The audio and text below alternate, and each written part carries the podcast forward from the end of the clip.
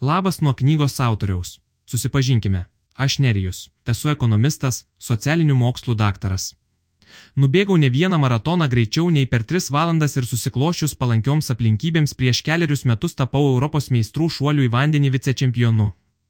Pastaruoju metu dažniau lipu į bokso ringą nei šoku į baseiną. Ten kol kas dar nieko nelaimėjau.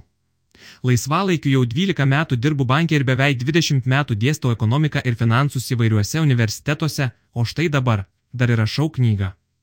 Nežinau, ką veiksiu kitais metais, bet žinau, kad neprarasiu smalsumo, išbandysiu naujus dalykus ir išmoksiu ką nors naują.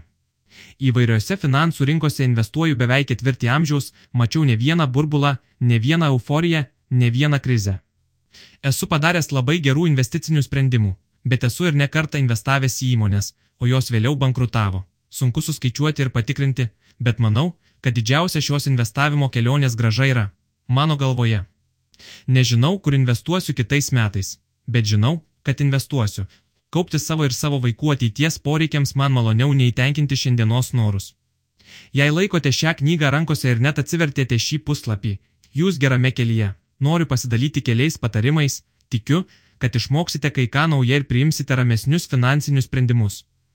Su pinigais galima padaryti tik du dalykus - išleisti šiandien arba sutaupyti tam, kad jie būtų išleisti ateityje. Tik nedaugelis gauna tokias mažas pajamas, kad visiškai negali taupyti, nes viską išleidžia būtiniausiams dabarties poreikiams tenkinti. Daug didesnė gyventojų dalis netaupo, nes neatskiria dviejų paprastų dalykų - poreikių ir norų. Poreikis yra nusipirkti maisto. Noras yra vėlyvą sekmadienio rytą valgyti Benedikto kiaušinius su putojančiais gerimais naujame jaukiame senamieščio restoranėlyje. Poreikis yra išsinuomoti būstą mieste, kuriame mokaisi ar dirbi. Noras yra per atostogas apsistoti viloje su baseinu ant jūros kranto. Poreikis yra nusipirkti drabužių. Noras yra nusipirkti tuos gražesnius drabužius, kuriuos reklamavo ta nuomonės formuotoja. Poreikis yra turėti telefoną. Noras yra turėti patį naujausią telefoną. Neatskiriant savo poreikių nuo norų nebus lengva taupyti ir užsitikrinti saugią finansinę ateitį. Tačiau čia tik pirmas žingsnis. Taupimas turi vieną problemą - sutaupytų pinigų perkamoji gale mažėja. Dėl kainų kilimo už turimus pinigus kiekvienais metais galima nupirkti keliais procentais mažiau gerybių. 2022 metais daugelis gyventojų susiaubu stebėjo, kaip kainos pakilo penktadaliu ir kaip atitinkamai tiek pat sumažėjo jų santaupų perkamoji gale. Todėl išmokus reguliariai taupyti, tai yra bent dalį gautų pajamų atidėti ateities poreikiams, net jei nėra jokių konkrečių planų ir svajonių, svarbu išmokti reguliariai investuoti. Investavimas į nekilnojamą į turtą yra gerai žinomas, išbandytas ir įvaldytas daugelio lietuvių, bet ir apie jį reikia pakalbėti atskirai, nes čia irgi daroma nemažai klaidų. Tačiau investicijos į vertybinius popierius - akcijas, obligacijas, fondų vienetus - daugeliui dar yra netrastos, nors taip įdarbinti pinigus galime neišlipdami iš lovos. Šeštas skyrius - būstas. Kada geriausias metas jį pirkti? Ar dabar geras metas pirkti būstą? Neatsimenu metų, kad iš draugų, kaimynų, kolegų ar žiniasklaidos atstovų nebūčiau išgirdęs šio klausimo. Visi norime įsigyti geidžiamą daiktą už žemiausią įmanomą kainą. Ir niekas nenori pirkti brangiai, o tada stebėti, kaip kainos rieda žemyn. Dažniausiai prognozuoti, kur yra būsto kainų pikas ir dugnas, sudėtinga, todėl daugeliu pirkėjų geriau to nedaryti. Bandymas pagauti tinkamiausią laiką pirkti būstą gali virsti nemalone kančia ir galiausiai savigrauža. Nesunku įsivaizduoti situaciją, kai labai atsargus pirkėjas, net ir radęs pageidaujamą būstą, deras ir nesutinka mokėti prašomos kainos, nes tiki, kad gali nusipirkti pigiau. Pastarąjį dešimtmetį būsto kainos didėjo kiekvienais metais bent po kelis ar keliolika procentų. Prieš dešimtmetį, 2012 metais, vidutinio naujo būsto kvadratinis metras Vilniuje kainavo apie 1250 eurų, 2022 - bent dvigubai daugiau. Taigi pirkėjui, vis laukiančią mažesnių būsto kainų, stebėti tokius kainų šuolius turėtų būti nemalonu ar net pikta. Ilguoju laikotarpiu nekilnojamojo turto kainos dažniausiai juda viena kryptimi - aukštyn. Vis tik nereikėtų užmiršti, kad būsto rinkos perkaitimas ir paskesnis ženklus kainų kritimas nėra retas reiškinys. 2008 pradžioje naujos statybos būto vieno kvadratinio metro kaina Vilniuje siekia apie 1750 eurų. Prasidėjus pasauliniai finansų kriziai, kaina gana greitai nukrito trečdaliu - iki 1150 eurų. Po šios krizės kainų grįžimas į ankstesnės rekordinės aukštumas užtruko beveik dešimtmetį. Kaune ir Klaipėdoje kainų nuosmukis buvo dar didesnis. Tos pačios pasaulinės krizės metu Ispanijoje būsto kainos sumažėjo beveik per pusę ir praėjus 15 metų vis dar išlieka dešimtadaliu mažesnės, nei buvo 2007 metais pasiekto piko metu.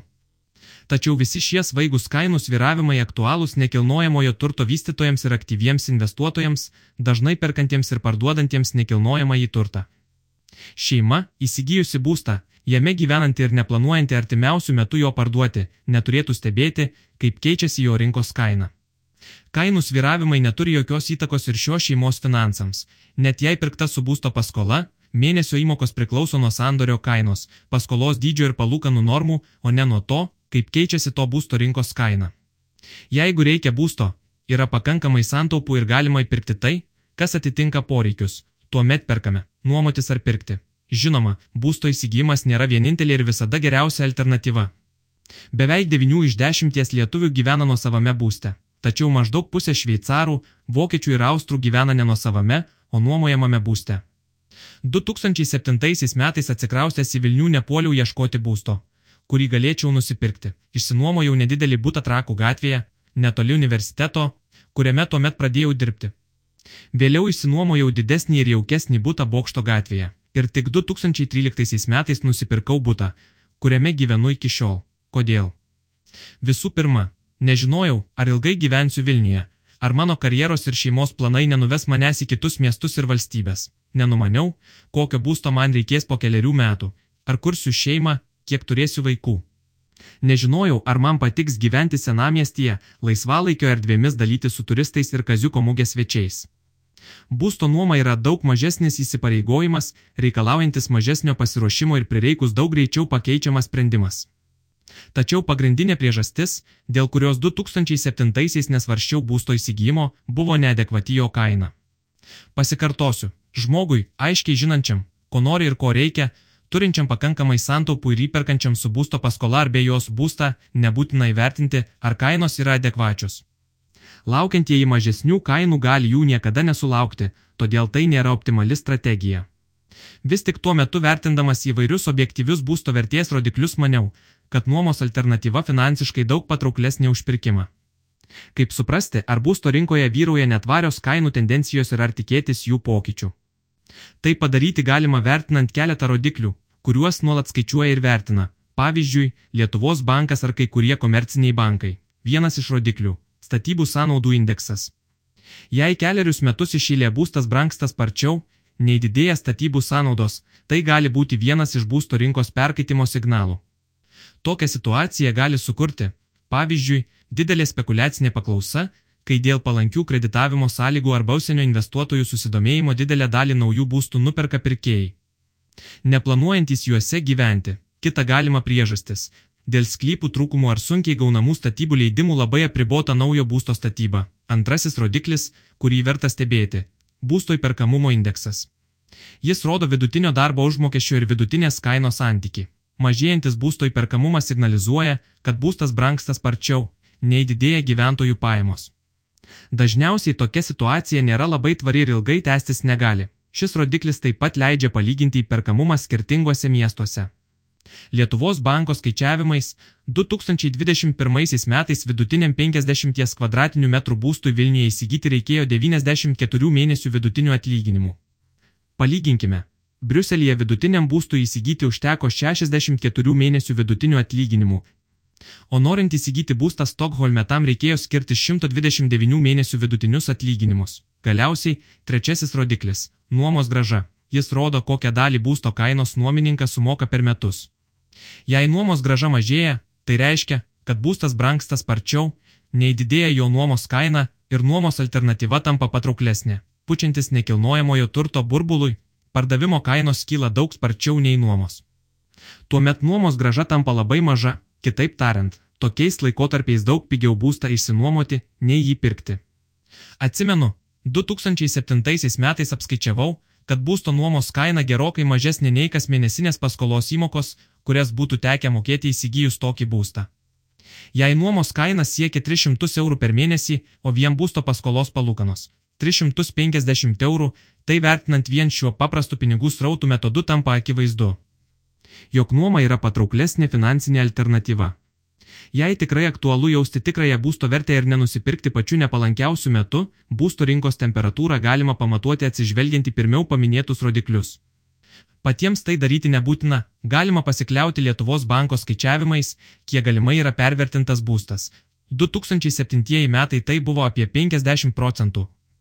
2022 metai - apie 7 procentai. Kiek santaupų reikia turėti norint įsigyti būstą? Šiuo, kaip ir daugeliu kitų gyvenimo klausimų, galimi įvairūs kraštutinumai. Yra pirkėjų, kurie jokių būdų nenori skolintis, todėl būstą pirks tik turėdami pakankamai santaupų. Jei pajamos stabilios ir solidžios, kasdieniai vartojimo poreikiai minimalus, o svajonių būstas - kuklus, tuomet toks planas nesunkiai gyvendinamas per keliarius metus. Tuos keliarius metus galima pagyventi nuomojamame bute arba, esant galimybėj ir norui, pavyzdžiui, su tėvais. Lietuviai dažnai mėgsta išsikraustyti iš tėvų vos pradėję studijas, bet tai būdinga ne visoms kultūroms. Pavyzdžiui, 2 iš 3 18-34 metų amžiaus italų gyvena su tėvais.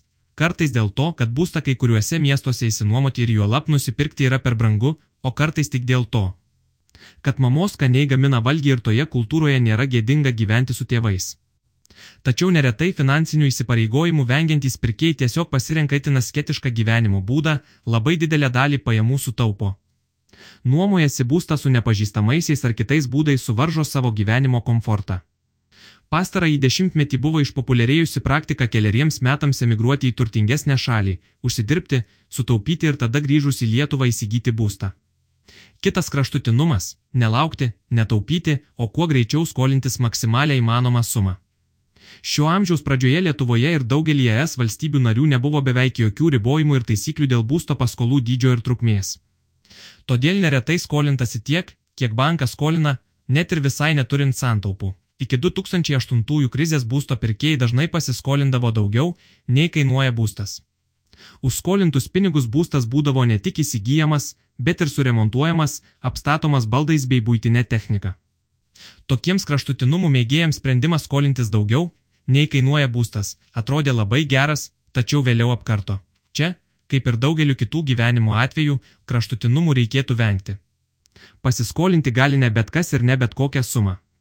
Dėl minėtų įsikerojusių kraštutinumų, kurie prieš 15 metų prisidėjo prie nekilnojamojo turto burbulo įsipūtimo, Lietuvos priežiūros institucijos patvirtino atsakingo skolinimo nuostatus, kurie labai apribojo tai, kas, kokiam laikotarpiu ir kiek gali pasiskolinti. Šiuo metu galioja tokie pagrindiniai reikalavimai ir apribojimai.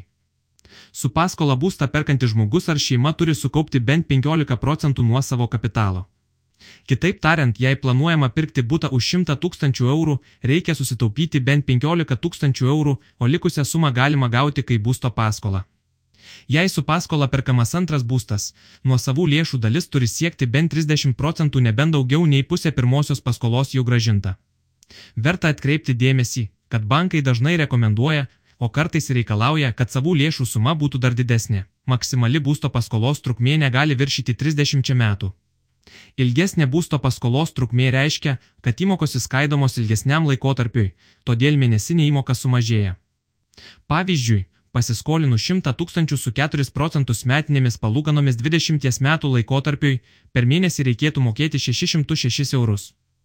Tokia pati paskola 30 metų laikotarpiui sumažintų mėnesio įmoką iki 477 eurų. Vis tik reikia turėti omenyje, kad, skolinantis ne maksimaliai įmanomą sumą ir ne maksimaliam laikotarpiui, galima tikėtis mažesnių būsto paskolos palūkanų, netrumpiau kaip 6 mėnesius gauti tvarias pajamas. Kartais nedidelės, bet nereguliarias pajamas gaunantys asmenys piktinasi, kad negali gauti būsto paskolos. Tokius reikalavimus sugalvoja nekomerciniai bankai, o priežiūros institucijos, kurios tokiu būdu bando apsaugoti nereguliarias pajamas gaunančius asmenis. Žinoma, dėl tokių reikalavimų pagristumo ir universalumo galima ginčytis, bet yra, kaip yra, paskoloms gražinti ir palūkanoms mokėti skiriama suma negali viršyti 40 procentų pajamų. Jei paskolą ima šeima ar nesusituokia partneriai net ir tos pačios lyties, tuomet vertinamos abiejų asmenų pajamos ir finansiniai įsipareigojimai. Svarbiausia tinkama paskolos prašančiųjų kredito istorija. Tai ir laiku vykdyti praeitie turėtų paskolų mokėjimai ir laiku apmokėtos komunalinės, telekomunikacijų bei kitos sąskaitos. Todėl ir neturintiesiems planų artimiausių metų skolintis tvarkingas ir atsakingas finansinių įsipareigojimų vykdymas yra labai svarbus. Net jei praeities lystelėjimai neužkirs galimybės pasiskolinti, dėl jų gali tekti mokėti aukštesnės palūkanas. Kokias palūkanas mokėsime po 20 metų? Būsto paskolos palūkana sudaro dvi dalys - kintamoji ir pastovioji. Pastovioji dalis dar vadinama paskolos marža, ji fiksuojama sutarties pasirašymo metu ir nekinta. Ji priklauso nuo daugelio veiksnių, besiskolinančio asmens amžiaus, paskolos trukmės, asmeninės kredito istorijos, sukaupto pradinio įnašo.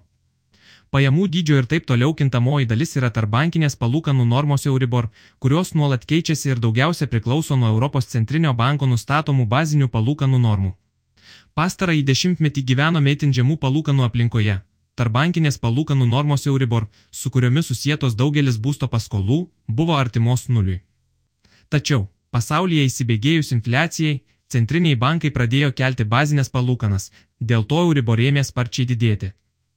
Tai buvo netikėtumas niekada teigiamų tarbankinių palūkanų nemačiusiai jaunesnėjai kartai. Skolinantis reikia įvertinti ne tik tai, kokios palūkanų normos rinkoje yra dabar, bet ir apskaičiuoti, kaip pasikeistų paskolos mėnesinė įmoka, jei šios palūkanos, pavyzdžiui, padvigubėtų. Nemėgstantieji tokio neapibrieštumo gali fiksuoti palūkanas keliarių metų laikotarpiui. Tačiau dažniausiai palūkanos negali būti užfiksuotos dabartiniu tarbankinių palūkanų normų lygiu. Už apsidraudimą nuo palūkanų normų kilimo dažniausiai tenka susimokėti fiksuojant palūkanas aukštesnėme lygyje - antrojo ir trečiojo būsto pirkimas. Investavimo logika šiek tiek pasikeičia, kai perkamas ne pirmas būstas. Šioje situacijoje visų pirma reikia atskirti antro būsto pirkimą, kai perkama nesiekiant iš jo gauti papildomų pajamų, o tiesiog mėgautis. Sodyba prie ežero ar būtas pajūryje, nebūtinai prie Baltijos, daugam yra romantiška svajonė vis tik nesunku suskaičiuoti, kad daugeliu atveju pigiau atostogas leisti neįsigytame, o išsinuomotame būste. Nebent antrasis būstas iš tiesų yra svajonių būstas ir jame norisi leisti ir visas vasaras, ir daugelį savaitgalių. Tokioje situacijoje pirkėjas dažnai nežiūri į būstą kaip į investiciją, vertina jį per emocinę prizmę. Čia yra labai daug subjektivumo. Kai kam atostogos ir savaitgaliai yra daug malonesni, jei praleidžiami nuo savame būste, o ne kažkokiame nežinomame, trumpam įsinuomotame namelyje ar viešbutyje. Kiti, priešingai, neturi jokio noro prisirišti prie vienos vietos, kiekvienais metais yra pasirengę netikėtumams, nori aplankyti nematytas vietas, išbandyti naujas pramogas. Kitaip tariant, didesnės pajamas gaunantys ir daugiau turto turintys asmenys dažnai į antro būsto įsigijimą žiūri ne kaip į investiciją, o kaip į vartojimo išlaidas. Jiems nėra labai svarbu, ar tą būstą galės ateityje parduoti už didesnę kainą, nerūpi, už kokią kainą gali jį išnuomoti, kokia yra nuomos graža. To būsto išlaikymo kaštai ir su jo įsigijimu atsirandanti mokestinė prievolė. Tačiau visi šie dalykai yra svarbus ir turi būti įvertinti, jei antrasis būstas perkamas kaip investicija, siekiant jį išnuomoti ir arba parduoti ateityje. Perkant būstą nesmeniniams poreikiams, nuomos gražą galima palyginti su alternatyvių investicijų graža, pavyzdžiui, obligacijų palūkanomis ar įmonių dividendais. Kitaip tariant, investicijos į ne pirmą būstą konkuruoja su investicijomis į vertybinius popierius. Pagrindiniai dalykai. Pirmas. Geriausias laikas pirkti būstą buvo prieš penkerius metus. Antras. Kartais nuoma yra daug patrauklesnė alternatyva nei pirkimas. Trečias. Prieš pirkdami pasidomėkite, ką rodo būsto įperkamumo indeksas ir nuomos graža. Ketvirtas. Kainos ne tik kyla, bet ir krinta. Penktas. Perkant antrą būstą reikia atskirti asmeninius poreikius ir tikėtiną nuomos gražą.